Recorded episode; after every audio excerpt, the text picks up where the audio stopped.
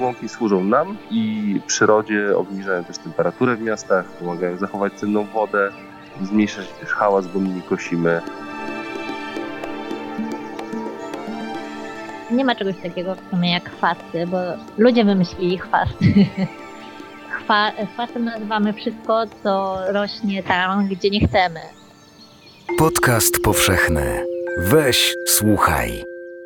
To jest podcast powszechny przy mikrofonie Michał Kuźmiński i Marta Filipiuk-Michniewicz. Dzień dobry. Dzień dobry. Y, mamy jeden z chyba najfajniejszych insertów do tygodnika powszechnego w dziejach y, naszego pisma, które już trochę y, bądź co bądź trwają. I teraz efekt dźwiękowy. Tak brzmią nasiona, które dostaną wraz z podwójnym świątecznym wydaniem tygodnika powszechnego nasi czytelnicy. Nasiona łąki. Nasiona łąki, konkol polny, len zwyczajny, mak polny, miłek letni, rumianek pospolity, wyka kosmata, koper ogrodowy, czarnuszka siewna. Jak otworzymy ten, tę saszetkę, to w środku zobaczymy przeróżnej maści nasionka. Ja poznaję y, czarnuszkę od razu. Łatwo, koper jeszcze. Łatwo poznać, bo jest czarna. Y, jest koper, pachnie. Pachnie, Pachnie tak. Efekt dźwiękowy Pachnie może... rumianek. Rumianek pachnie? Mnie się wydaje, że to rumianek. czarnuszka też Czarnuszka bardzo też. intensywnie. Czarnuszka też pachnie. Głosy, które Państwo słyszą, to pani i pan Łąka. Dzień dobry. Dzień dobry. Natalia Dzień i dobry. Maciej Podyma są dzisiaj gośćmi podcastu powszechnego Państwa i naszymi y, gośćmi. A to z okazji też właśnie y, wydania dodatku, który jest także z tym numerem. Chwalcie łąki, czyli po co nam łąki? Powiedzcie nam więc proszę, po co nam łąka w mieście? Dobrze, no to my jesteśmy trochę takimi partyzantami e, próbującymi zmienić rzeczywistość w mieście, naszych przydomowych ogródkach, przy drogach, wszędzie tam, gdzie mamy tereny zieleni, a nie są one krzewami czy drzewami. E, takim standardowym teraz e, e, obrazem, który widzimy w przydomowych ogródkach czy parkach, to są nisko przystrzyżone trawniki i na przykład tuje na granicach działki. I to jest coś, co ani nie służy przyrodzie, mm, ani też nam nie służy. Wymaga ciągłego koszenia, podlewania, nawożenia, używania chemii, jeżeli ma być to idealnie zadbany trawnik, a jednocześnie hałasujemy przy koszeniu, zużywamy paliwo, zatruwamy powietrze. I to jest coś, y, gdzie zapaliła nam się lampka e, czerwona i postanowiliśmy po prostu jakoś zmienić e, mm, e, to, jak postrzegamy takie tereny. No i łąka to jest taka odpowiedź, coś, co powinno się znaleźć tam, gdzie nie ma krzewów i drzew. To jest e, teren, który powinien być po prostu opanowany przez przyrodę, a nie na odwrót, tam gdzie ona powinna być tłamszona, tak jak mm, w, e, w przypadku trawników. No i łąki służą nam, e, tak jak mówiłem, i przyrodzie obniżają też temperaturę w miastach, pomagają zachować cenną wodę, zmniejsza się też hałas, bo my nie kosimy. A w takim tradycyjnym ujęciu łąka służyła przede wszystkim jako źródło pożywienia dla zwierząt gospodarskich. I stąd się tak naprawdę wzięły łąki e, w naszych, e, na naszych terenach.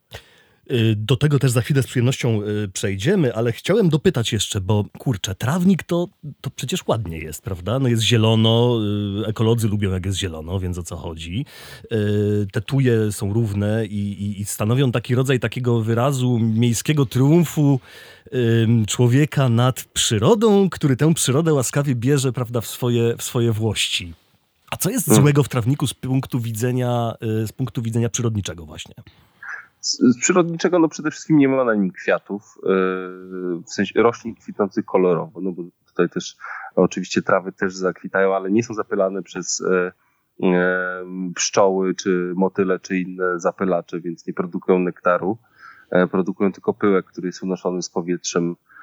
No i nie są taką bazą, jakby nie są stołówką dla tych, dla tych owadów, a te owady z kolei same w sobie cieleśnie są stołówką dla kolejnych wyższych zwierząt, y, myszy, ptaków, y, jeży i tak dalej. I też y, trawnik jest wyrazem tak, dbania i też jest w nas wszczepiony. Według mnie ten, ten obraz i to powiązanie, że trawnik to jest symbol luksusu, trawniki były promowane też przez ojców założycieli w Stanach Zjednoczonych jako wyraz tego, że e, ich stać I to jest właśnie symbol tego, że panujemy nad naturą i, i jesteśmy w stanie po prostu zadbać o najbliższą okolicę w taki sposób, jak po prostu ją tłamsząc i co tydzień kosząc sprawę. To też był wyraz tego, że po prostu nas było osoby, które były, było stać na trawnik, no to były osoby tak zwane z wyższych sfer, no bo musiały zatrudnić kilka, kilkanaście ogrodników, żeby, żeby nawet z parę hektarów ręcznie, y, y, ręcznie wykosić. No i tutaj też jest bardzo fajny film na YouTubie dotyczący tego, jak zostało to właśnie wszczepione Amerykanom e, i wszystko e, zaczęło się właśnie od tych Benjamina Franklina i innych ojców założycieli, którzy uznawali to jako taki trend, który powinien się szerzyć. E, I też później doszły do tego kosiarki, które pomagały w XVIII wieku, które pomagały po prostu utrzymywać, więc ta mechanizacja już w XVIII e, wieku? ruszyła. Tak, mniej więcej e, na przełomie XVIII i XIX wieku została patentowana pierwsza taka kosiarka bębnowa, taka, taka popychana. Mhm. A wcześniej to wszystko się odbywało kosami, czy nawet można powiedzieć, że nożyczkami. Mm, no i a teraz e, każdego mniej więcej e, osoby, która ma ogród, to zostać na wykupienie kosiarki, więc to jakoś tak też spowodowało, że ten przemysł cały mm, wszczepił w nas e, chęć po prostu posiadania takiego trawnika. Mhm. Trawnik okropny, łąka wspaniała i wiele korzyści niesie. A są jakieś wady łąki? Jakieś problemy z jej utrzymaniem albo coś, co powoduje, że ludzie niechętnie myślą o założeniu łąki u siebie w ogródku? E, po łące raczej e, łąka raczej nie służy do chodzenia, więc nie jest to opcja dla ogrodów, których jakby dla takiej e, części użytkowej ogrodu. Dlatego, że widać na niej połamane rośliny, jak, jak się chodzi po niej, nie wygląda to dobrze. więc raczej nie cały ogród, ale bardziej jakieś plamy albo jakieś obrzeża. Problemem e, moim zdaniem e, może być to, że e, Polacy przyzwyczajeni do chodzenia do sklepów ogrodniczych, kupowania bylin, sadzenia już kwitnących roślin, mają może taki problem z tym cyklem, że jednak tu wysiewamy, trzeba poczekać, za dwa miesiące dopiero będą kwiaty. Z taką cierpliwością do tych roślin, do, do procesów, jakie tam zachodzą. Też od razu myślę o tekście Urszuli Zajączkowskiej, który pojawia się w tym dodatku. Ona właśnie poświęca dużo uwagi temu, że jeśli wchodzisz na łąkę, to ugniatasz ją, że niszczysz jej strukturę i że to jakby nieodwracalne zmiany y, powoduje jakieś. Ubolewa nad tym, ale rzeczywiście to jest to, o czym mówisz, Natalio, czyli to nie jest przestrzeń do leżakowania pewnie. Tak, do, do leżakowania nie jest, ale oczywiście przejść, pozbierać kwiaty można w sposób zrównoważony i tak dalej. My też jakby nie gonimy osób, które korzystają z tych łąk, które zakładaliśmy w miastach. E, czujemy, że sam kontakt z takim kwiatem, jeżeli to jest na przykład parę, parę hektarów, e, no to e, cieszymy się, jak ludzie po prostu z tego korzystają. To też nie jest tak, że jak się na nią wejdzie, to jest po prostu koniec z nią, no bo odrośnie w następnym roku, tak? Ale oczywiście takie wygniecione placki, no to nie jest coś, coś takiego fajnego. I dodam jeszcze, że, że, że problemem też jest przemijanie, e, tuje i trawniki. Jak się postaramy naprawdę e, i zrobimy to wszystko, o czym mówiłem, ten cały cykl, to mogą wyglądać mniej więcej tak samo przez cały rok, nawet na początku zimy i wiosny. I być może przeraża nas troszeczkę ta zmienność i, i cykl przemijania. E, I dzikość, dzikość mhm. taka, dzikość, że łąka to jest dzikość, a nie, a nie tak, I ona się zmienia co tydzień tak naprawdę, tak? Co, co, tydzień wygląda inaczej, y, co wchodzą kolejne rośliny, jedne zasychają, drugie, drugie zaczynają kwitnąć, później musimy ją skosić i, i zaczyna się wszystko od nowa po, po zimie. No i dla mnie to jest piękne, ale może być też takim e, no, poznawczym jakimś e, dysonansem, że, że, że no halo, ale ten ogród wygląda zupełnie inaczej w lecie, a inaczej wygląda e, jesienią. Jakby na to spokojnie popatrzeć, to może to być wielka zaleta łąki, dlatego że w tak. czasach, kiedy my straciliśmy zupełnie poczucie rytmów, prawda, kiedy nagle mamy dwie pory roku, a nie, a nie cztery, e, kiedy mm, ma, mamy pomidory w zimie i truskawki e, na jesieni, to może łąka nam przypomina o takich bardzo podstawowych rytmach. Dla mnie ten widok jest niezwykle sentymentalny. Ja dzieciństwo w dzieciństwie każde wakacje spędzałem y, na wsi i dla mnie widok koniczyny, chabrów i y, maków polnych to jest absolutnie letni widok, ale tak sobie myślę, że y, łąka to też pewnego rodzaju niepokoje nasze, mm, znowu na poziomie tego, jak próbujemy okiełznać przyrodę.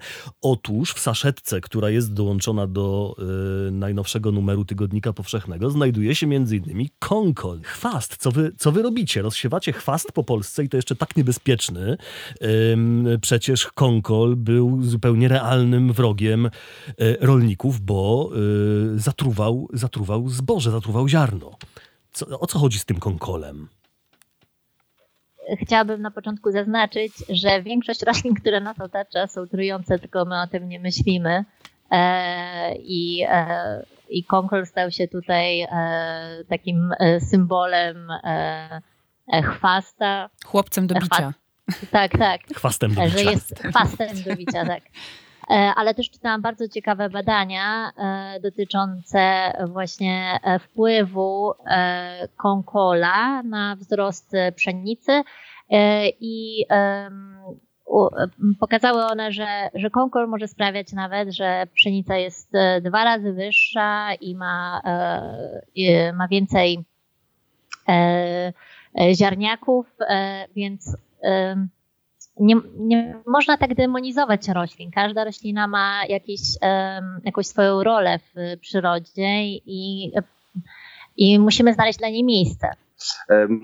Jeżeli chodzi o rolnictwo i o konkol, no to podstawowym problemem był sposób czyszczenia ziarna, który nie był doskonały. A to mechaniczne czyszczenie zboża pozwala mu uniknąć takich sytuacji jak, kiedyś, czyli zanieczyszczenie mąki zboża wcześniej. To też jest e, taka sytuacja. To może szerzej zapytam, jak to jest z tymi chwastami? Bo dla każdego, kto, kto, kto y, uprawia coś, chwast jest, y, jest problemem, jest realnym problemem. Ale czy chwasty są realnym, realnym problemem jako takie? Moim zdaniem nie ma czegoś takiego w sumie jak chwasty, bo, bo um, ludzie wymyślili chwasty. Hmm. e, chwa, chwastem nazywamy wszystko, co rośnie tam, gdzie nie chcemy, e, czyli e, nie wiem, równie dobrze pszenica rosnąca w, e, na polu żyta jest również chwastem. Mhm. mhm. Ja jeszcze wrócę do tej roli, y, y, o której powiedziałaś Natalia, że każda roślina ma jakąś swoją rolę i że każda jest potrzebna.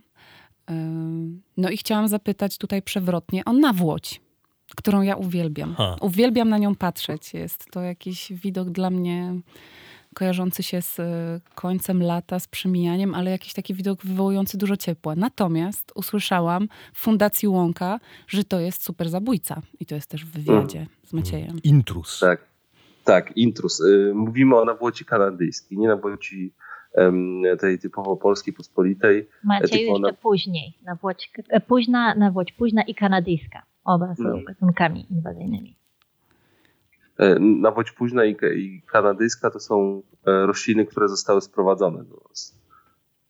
Właśnie przez pszczelarzy, którzy chcieli stworzyć pożytki dla swoich pszczół. No i zawładnęła ogromnymi terenami w Polsce i zdestabilizowała cały system, który wcześniej istniał. A w, jak, w jaki sposób zdestabilizowała? E, na czym polega działanie takiego, takiego gatunku um, intruza?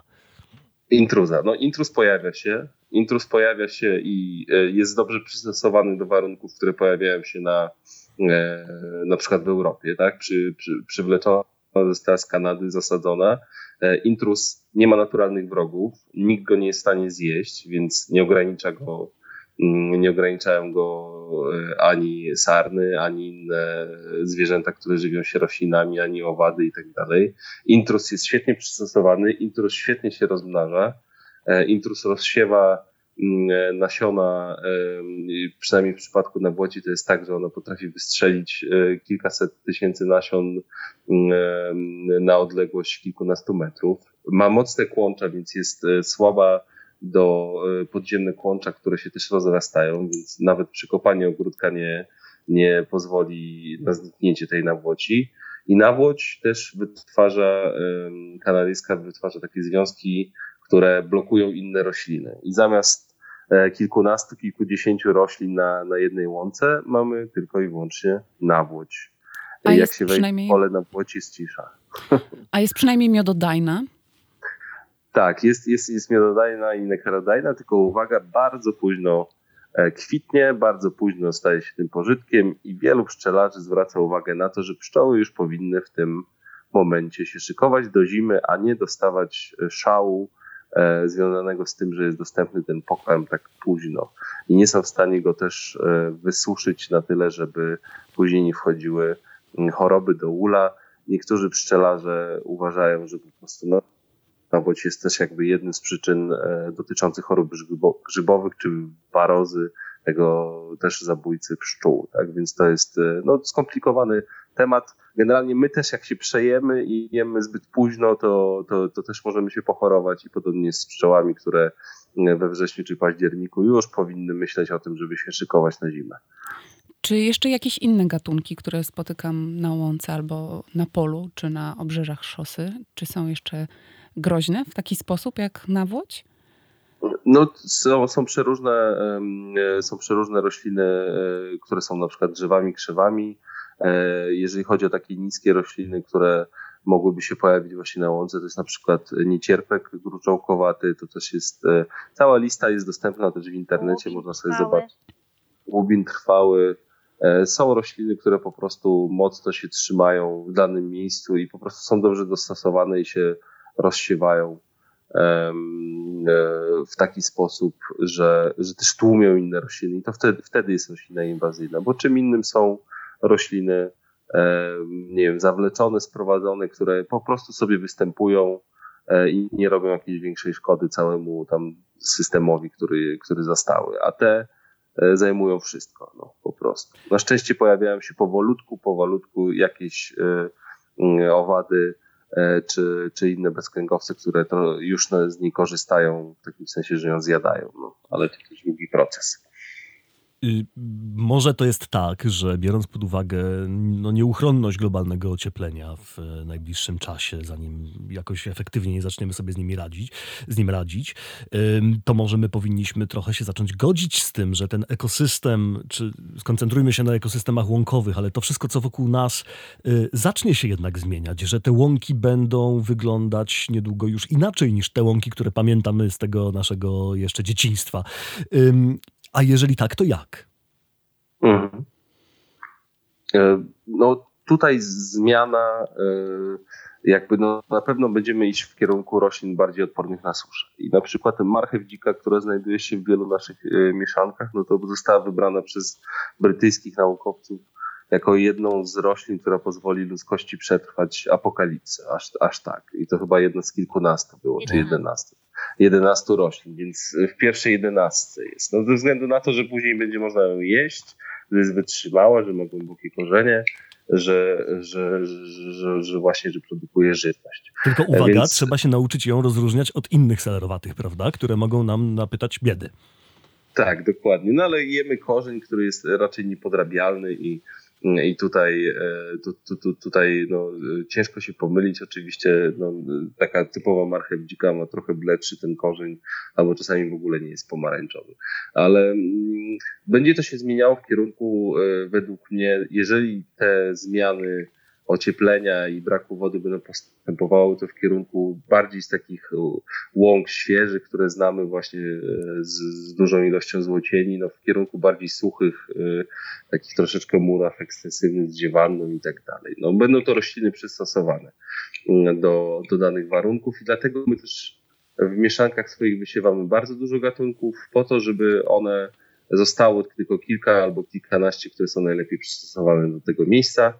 I my też mamy zasadę, że nie przygotowujemy terenu pod łąkę, tylko przygotowujemy tę łąkę pod dany teren. Dobieramy ją, żeby pasowała do tego miejsca, no właśnie. a nie na odwrót. I o to chciałam cię jeszcze zapytać, was zapytać, bo mm, przygotowujecie rozmaite mieszanki nasion, y, które spełniają określone y, cele, które służą na przykład y, jako łąki miododajne albo antysmogowe, albo przydrożne czy przytorowe. I chciałam zapytać, jakie są różnice między tymi mieszankami i dlaczego mieszanka przytorowa jest inna niż ta przydrożna, albo jakie rośliny się znajdują właśnie w mieszance antysmogowej.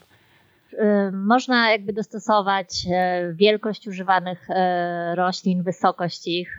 Jeżeli na przykład przytorowa, to na pewno muszą być to niskie rośliny, żeby nie przeszkadzały, żeby nie zarastały torów.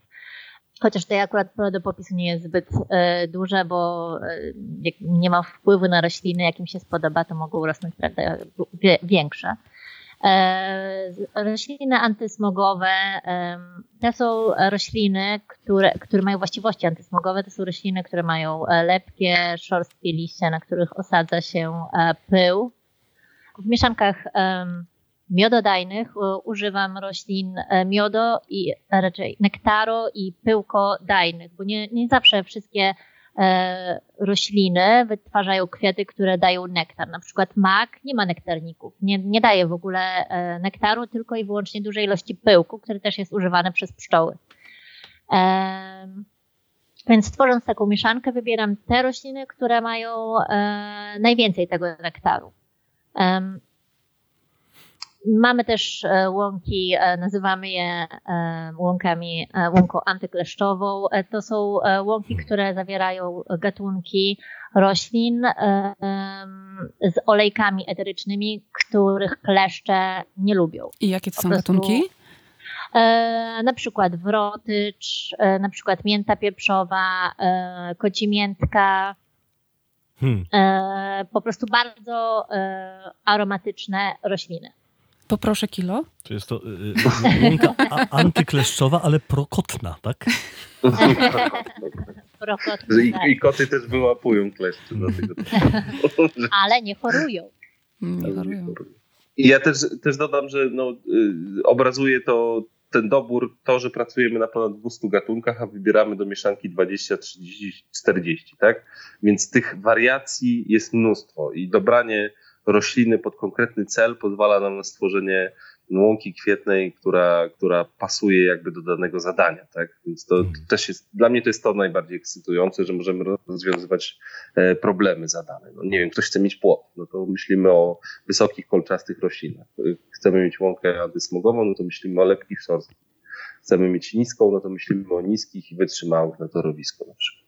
Ale oczywiście też nie koncentrujemy się. Mamy taką bazę roślin, które spełniają, e, które są e, bardzo wytrzymałe i, i jakby e, poszczególne mieszanki mają też takie smaczki, po prostu gatunki, które je wyróżniają od innych łąk.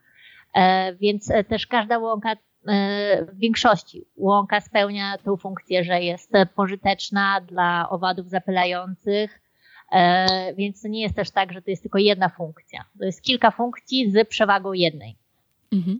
E, powiedzcie, jak wygląda ten proces w takim razie tworzenia mieszanki i obsiewania konkretnego terenu? Zwraca się do Was obywatel z mhm. działką albo tak. E, instytucja jakaś, bo wiem, że pracujecie mhm. też z samorządami na przykład. Tak. I mówią, chcemy łączkę. A wy? Tak. Za Zaczynamy przede wszystkim od krótkiej rozmowy. Pytamy się o to, jak wygląda teren, co na nim rośnie, jakiej wielkości jest, e, co było na nim na przykład wcześniej, czy jakiś budynek stał, gdzie on się znajduje. Poprosimy o, prosimy o mapę i zdjęcia, jeżeli jesteśmy daleko, a jeżeli jesteśmy gdzieś w rejonie Warszawy, to, to po prostu podjeżdżamy i się pytamy. E, I to jeżeli chodzi o osoby zarówno i prywatne, jak i urzędy, no to po prostu udzielamy takich porad e, kompletnie pro bono i, i zapraszamy tak e, po to, żeby, żeby się dowiedzieć, jak powinien być taki teren przygotowany i co powinno się na nim wysiać. Jeżeli jesteśmy bardziej zaangażowani, bardziej zaangażowany jest też ktoś, kto założenie chce mieć pewność, no to możemy zrobić też badania gleby. Czyli pobieramy takie próbki tego, co jest po prostu pod, pod zielenią gleby, która znajduje się na miejscu i wysyłamy ją do stacji okręgowej stacji rolniczo-chemicznych, bo one tak się nazywają, oni sprawdzają, co w tej glebie jest. Tego, czego nie da się zobaczyć po prostu gołym okiem, no i wtedy dobieramy mieszankę. Tak? Czy z istniejących, czy na przykład na jakieś specjalne życzenie dorzucamy na przykład konkretny kolor do konkretnego miasta, albo żeby pasował do herbu, tak? Hmm. albo ktoś ma życzenie, żeby była bardziej biała, albo. E, no i, i najważniejszym pytaniem jest, czy ma być jednoroczna, czy wieloletnia, tak? Mieszanka. Hmm. To, jest, e, to jest jakby mm, podstawa. Jeżeli wybieramy jednoroczną, no to się będziemy szybko cieszyć e, kwiatami i taka jest mieszanka dołączona do tygodnika. Jeżeli wybieramy wieloletnią, no to musimy poczekać rok, dwa, zanim ona ładnie zacznie kwitnąć, i, ale wtedy ona wymaga tylko i wyłącznie e, koszenia e, w następnych latach. A jednoroczną trzeba albo jeszcze raz przekopać ziemię i a wcześniej zebrać nasiona z tych roślin albo dosiać po prostu ponownie. Można je też mieszać razem, więc to też jest rozwiązanie, które najczęściej stosujemy. A powiedzcie, jak to działa? Czy yy, chcę zapytać o to, czy świadomość benefitów płynących e, z łąk rośnie w polskim społeczeństwie i w polskich samorządach? Czy to jest tak, że to raczej samorządy czy właściciele terenów zwracają się do was, czy odwrotnie? Czy to wy musicie chodzić, apelować, przekonywać, także zlobbować za, za łąkami? Sami? I jeżeli tak, to jak to robicie? Wydaje to... mi się, że ten okres lobowania już minął. E, teraz jest boom na łąki i e, raczej e, zgłaszają się do nas miasta, są przetargi, dzwonią do mnie klienci indywidualni. To tak, przyznam się szczerze, że jesteśmy bardzo zaskoczeni, jak to ruszyło, że no na początku to było tak, że robiliśmy na przykład przykłady, czyli robiliśmy 100-200 metrów każdej dzielnicy Warszawy, żeby pokazać, żeby można było powiedzieć, że to, że to działa, że to wcale tak nie jest, że trzeba mieć trawnik i tak dalej, i tak dalej.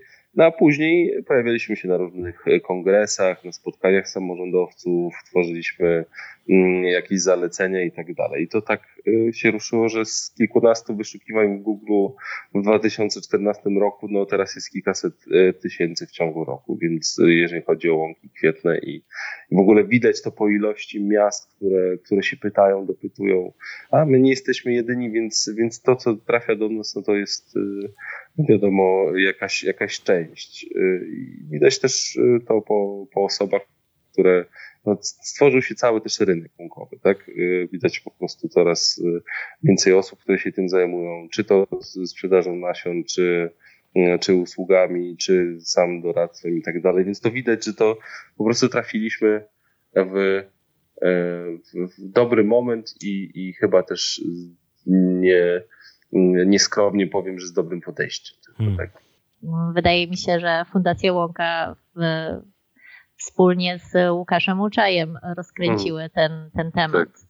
Tak, tak, tak. tak. Łukasz Łuczaj, e, popularyzator wiedzy o e, benefitach płynących z łąk i z dzikiej przyrody, również benefitach kulinarnych, prawda? Mhm, tak. Czy wy jecie łąkę? Ja jem. Nałogowo to bołki polne. Co to jest? I czemu nie ma mieszanki? E, w tej e, ciężko zdobyć. Ciężko zdobyć. E, te polne to jest taka roślina, która wytwarza takie mm, łuszczynki.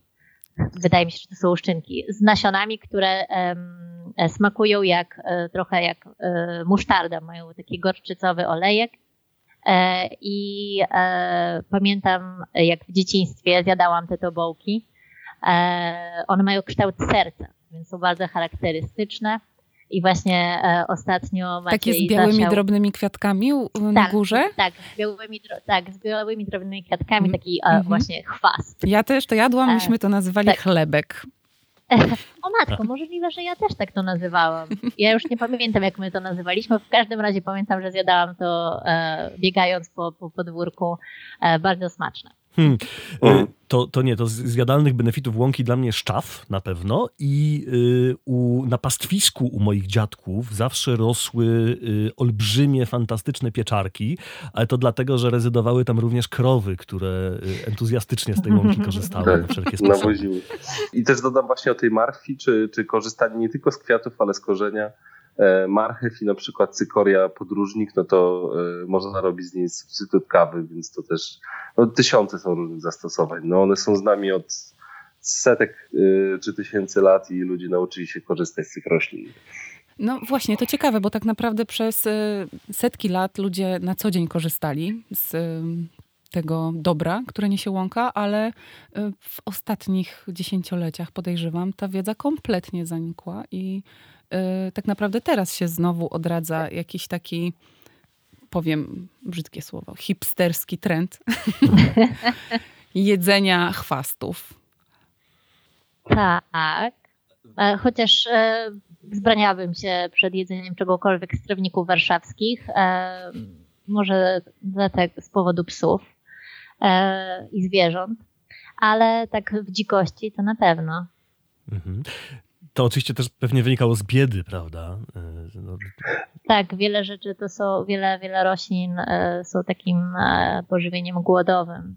Lebioda. Komosa, tak. Mhm. Lebioda, tak. I też jakby no korzystaliśmy jeszcze w XVI wieku z ponad 400 roślin uprawnych, tak?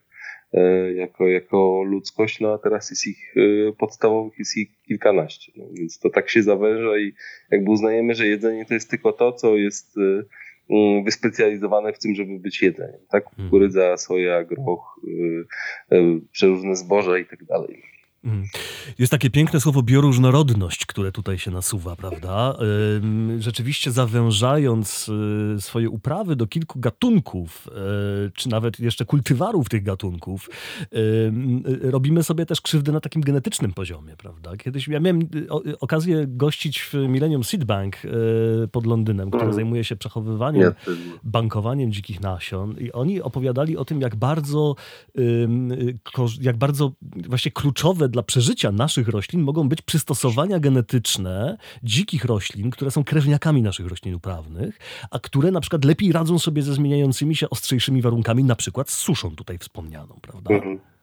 Dla mnie topowym przykładem na to, jak ważna jest bioróżnorodność, jest przykład głodu irlandzkiego. E, kiedy e, cała Irlandia była po prostu, w całej Irlandii były uprawiane ziemniaki i tyle.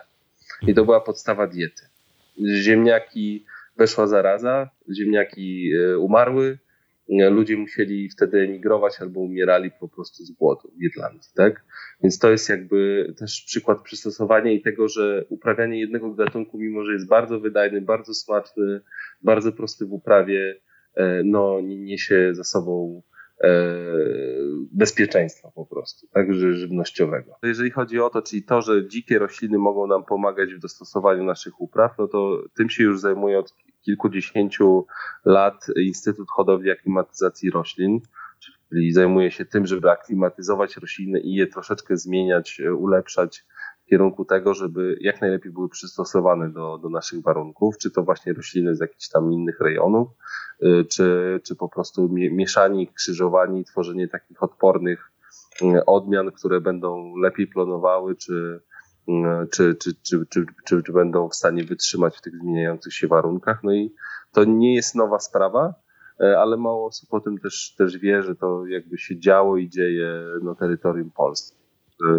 Że, są całe instytuty, które się tym zajmują. E, ja bym chciała jeszcze zapytać o jedną rzecz, którą przeczytałam w wywiadzie z tobą, Macieju. Mm. Pojawiła się tam informacja, że koszenie trawników powoduje wydzielanie się olejków eterycznych, które są, jakieś związki eteryczne, które są szkodliwe. I to tak. mnie mm. absolutnie y, zbiło z tropu, ponieważ ten zapach koszonej trawy chyba w większości większości ludzi kojarzy się z jakimś takim e, szalenie przyjemnym właśnie zapachem letniego czy wiosennego, letniego pewnie poranka. I wszyscy, mhm. jak się pytasz e, kogoś, e, jaki jest twój ulubiony zapach, to często, wydaje mi się, pojawia się właśnie ten zapach świeżo skoszonej trawy. Hmm? Tak. Um, tak, znaczy jeżeli chodzi o to olejki eteryczne, to jest dość jakby takie lekkie uproszczenie. Chodzi Chodzi o lotne związki organiczne, tak zwane WOKI, e, po angielsku Voltaic Organic Compounds. To są e, związki organiczne, które no, źle wpływają na nas, na nasze samopoczucie. I jak e, wskazują badania, obniżenie ilości koszenia w mieście powoduje mm, tej intensywności powoduje obniżenie ilości tych, tych, tych związków w powietrzu i też widać na podczas tych badań było wskazane właśnie, że na terenach, które były świeżo skoszone, tych związków było bardzo dużo, więc jakby korelacja jest nie do zaprzeczenia, że skoszona trawa E, jeżeli chce się zasklepić inne rośliny, no to po prostu wydziela takie związki, czy to z tej łodygi, która jest rozszarpana, czy liścia, e, które mogą być dla nas szkodliwe. I to też jest brane pod uwagę, jeżeli chodzi o zanieczyszczenie powietrza.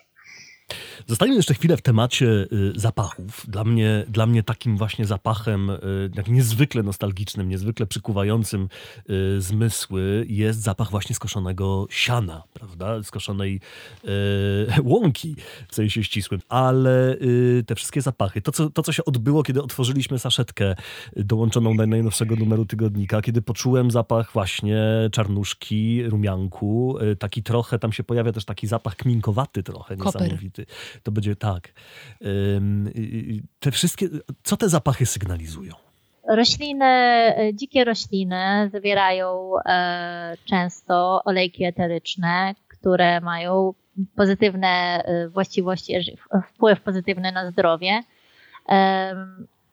Ludzie od zawsze korzystali z dobrodziejstw przyrody. Jeżeli ten zapach, no to to jest wskaźnik na to, że tych olejków jest dużo, te olejki mają różne przeznaczenie, tak? Czyli albo mają odstraszać e, właśnie e, zwierzęta, owady, które by miały zjeść dane nasiona, albo odwrotnie je zachęcać do tego, żeby zostało przeniesione na przykład w inne miejsce. Więc tutaj wszystko zależy od danej rośliny i też e, no, to, że one są jakoś połączone z nami, no to wskazuje też nazewnictwo, to, że na przykład i to, do czego służyły, czyli na przykład y, krwawnik pospolity, tak? Krwawnik mhm. pospolity e, pomaga leczyć rany, e, po prostu e, jakieś zadrapania i, i, i miejsca, w których się pojawia krew. No i też po łacinie nazywa się Achillea, Millefonium, a wiadomo Achilles kojarzy nam się z tą stopą, z, tą, z, tym,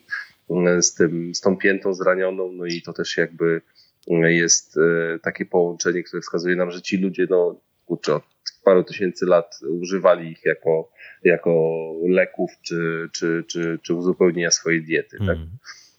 Myślę sobie o tym, że to jest też fantastyczna opowieść, jaką niesie ze sobą łąka, czyli ta opowieść o tym kulturowym zakorzenieniu niesłychanie mocnym i o tym tych tysiącleciach. Yy współistnienia. Łąka y, jest, i to sobie też trzeba powiedzieć, y, efektem działania człowieka, efektem pewnego rodzaju symbiozy między człowiekiem a, a naturą, prawda? Bez, bez człowieka nie ma, nie ma łąki.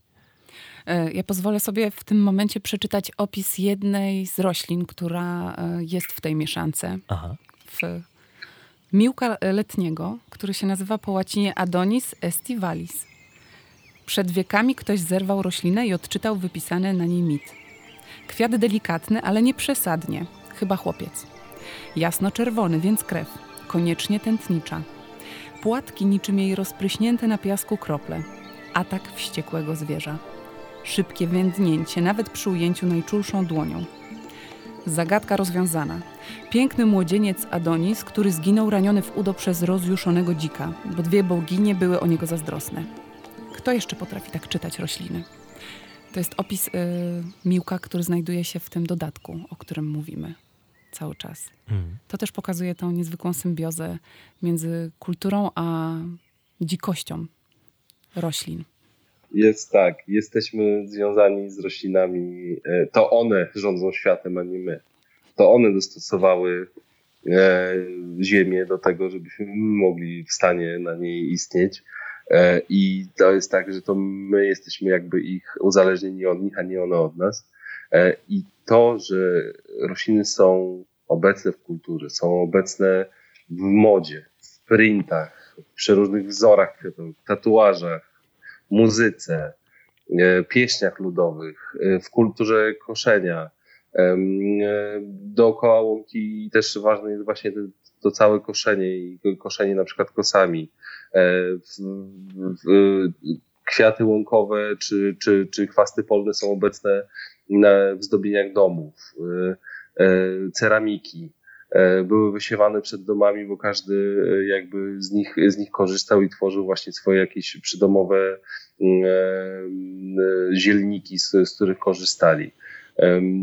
Po prostu są wszędzie. Jak się rozejrzymy, to się okazuje, że nawet symbol bohaterstwa w Wielkiej Brytanii u nas to jest mak. Mhm. Mak krwisto-czerwony, kojarzący się z krwią przelaną za ojczyznę e, i też jest połączony, jakby jest tutaj uzasadnienie, bo on się pojawiał tam, gdzie e, po prostu były bitwy, tam, gdzie została wzruszona ziemia, a najczęściej była to ziemia wzruszona, e, też wzruszona krwią, więc się pojawiał czerwone maki pod Monte Cassino są najlepszym przykładem. I tak? na Czy... polach Flandrii, prawda, dla Brytyjczyków. Tak. Mm. Ale naprostujmy, to tak. nie jest roślina, która pije krew. Mm, no, nie wiem tego.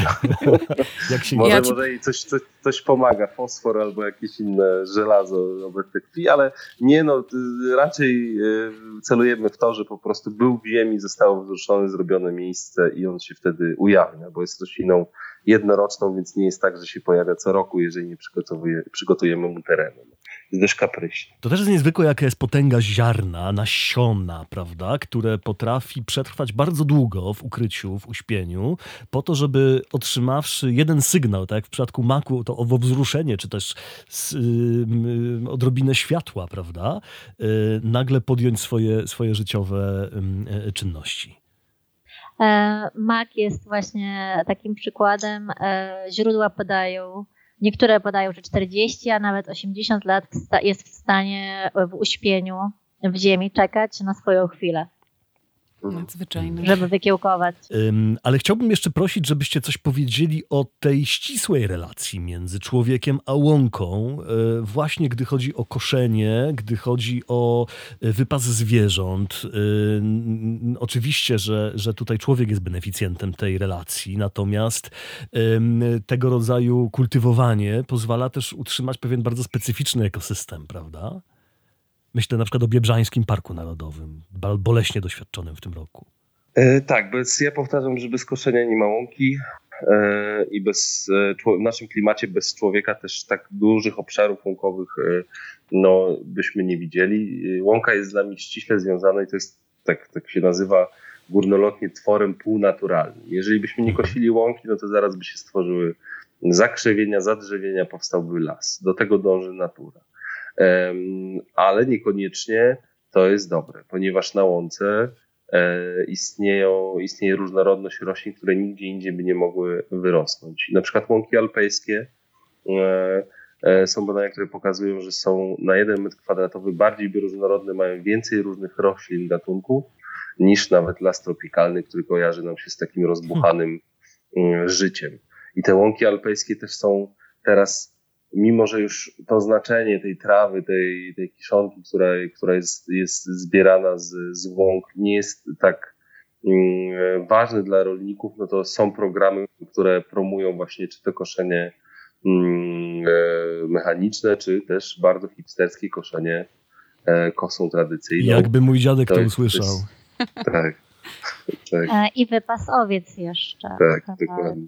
Kus? Kozy też? Kozy, Myślę, że tak. Mhm. Hmm. To się pojawia coraz A poza częściej. tym um, mam tutaj takie przemyślenie e, na temat słów, e, że to my dla siebie robimy e, te koszenie łąk, żeby pozyskać to siano. Jednak e, mi się wydaje, że robimy to też dla roślin, bo ich by tam nie było, gdyby był las, gdyby było ciemno. One są roślinami, które potrzebują światła, więc e, robimy to też w sumie nie jest to takie mm, egoistyczne może, to mhm. wycinanie, y, y, koszenie łąk. Mhm. Jeszcze na koniec chciałam rzucić paroma liczbami szokującymi dla mnie. Dwa miliardy rocznie wydajemy na samo koszenie trawników w Polsce. Tak. Mhm. 70 milionów złotych to jest koszenie poboczy dróg. Tylko głównych y, dróg y, krajowych i autostrad. Mhm. Tylko. To są takie liczby, które powinny przekonać nawet y, najbardziej zatwardziałych przeciwników dzikości łąk i zwolenników trawnika. Tak, ale tak jak mówiliśmy, ta świadomość jest dość mocno zakorzeniona, to często jak jest koszenie jest albo jest stworzona łąka, no to pojawiają się głosy, że, że miasto oszczędza i z moich podatków to powinno być wszystko zadbane i wykoszone do zera. Chociaż tych głosów jest coraz mniej. No i też nie ukrywajmy, to jest ogromny rynek, tak? Więc yy, też tutaj z tym, z tym jakby musimy się zmierzyć, tak? Więc to też, oj, przepraszam, Malina mnie woła. tak, e, ale, ale tak, no, to jest coś, co, co mnie bardzo szokuje, a szczególnie to paliwo, które spalamy po prostu w tych, w tych, w tych kosiarkach. Tymczasem Łąka to y, także opowieść o tym nieustannym cyklu życia, o tych kiełkujących y, nasionach, których próbeczkę dołączamy do najnowszego numeru y, tygodnika. To też opowieść o dzieleniu się, o, o czymś nowym, prawda? Co chyba na, dzisiaj, w tych, w tych dniach, tych, tych miesiącach, które teraz przeżywamy, jest jakąś szczególnie fajną, fajnym sygnałem. Ja jeszcze dodam, że ta próbeczka, ta niepozorna saszetka yy, zawiera 3 gramy miesza, to jest mieszanka nasion polnych kwiatów, tak pięknie się nazywa, i że to wystarczy Państwu na obsianie dwóch metrów kwadratowych ogródka lub donic. Także to nie jest mało. To jest już kawał łąki, który możemy mieć każdy na swoim balkonie albo przed domem. Na profilu facebookowym Tygodnika znajdą Państwo też film, na, w którym Maciej pokazuje, jak e, zasiać sobie taką łąkę na balkonie. E, ja się przyznam od razu, że mając dostęp e, nieco wcześniejszy do tej saszetki, zasiałem entuzjastycznie u siebie na balkonie, zanim obejrzałem ten film i prawdopodobnie jakoś szesnastokrotnie przegęściłem tę uprawę. Co mam zrobić? Co mam zrobić w tej sytuacji? Poczekać na gołębie. Z szacunkiem można je potraktować i przepikować, czyli delikatnie przenieść rośliny do innej, jak już wykiełkują, do innej donicy, jeżeli już wykiełkowały. Jedna za drugą. Pamiętaj, że w każdym gramie maku może być do 10 tysięcy nasion, więc 10 tysięcy razy. Całe osiedle, Michał. Co, co robiłeś w czasie kwarantanny? Wiesz, pikowałem mak. Oczywiście nie wszystkie skiełkują, bo to jest natura, około tam 50-60% skiełkuje, ale to, to, to czyli 5 tysięcy. Szanowni Państwo, jakbyście potrzebowali więcej informacji, to zapraszamy bardzo serdecznie do przeczytania naszego dodatku dołączonego do, do najnowszego tygodnika, ale też na stronę laka.org.pl oraz panilaka.pl, za które odpowiedzialni są właśnie Maciej, nasi goście Maciej i Natalia Podymowie. Bardzo serdecznie dziękujemy y, za rozmowę. Y, Natalia i Maciej Podyma, Fundacja Łąka. Dziękujemy, zdrowia, życzymy wszystkiego dobrego. Dziękuję, nawzajem. Weź, słuchaj, czyli podcast powszechny. Jeśli słuchają nas Państwo w Spotify albo w Apple Podcasts, zasubskrybujcie nasz kanał. Jesteśmy też w Google Podcasts i w aplikacji Lekton oraz na www.tygodnikpowszechny.pl/podcast. Muzyka Lilo Sound Buddha Nature Film Music.io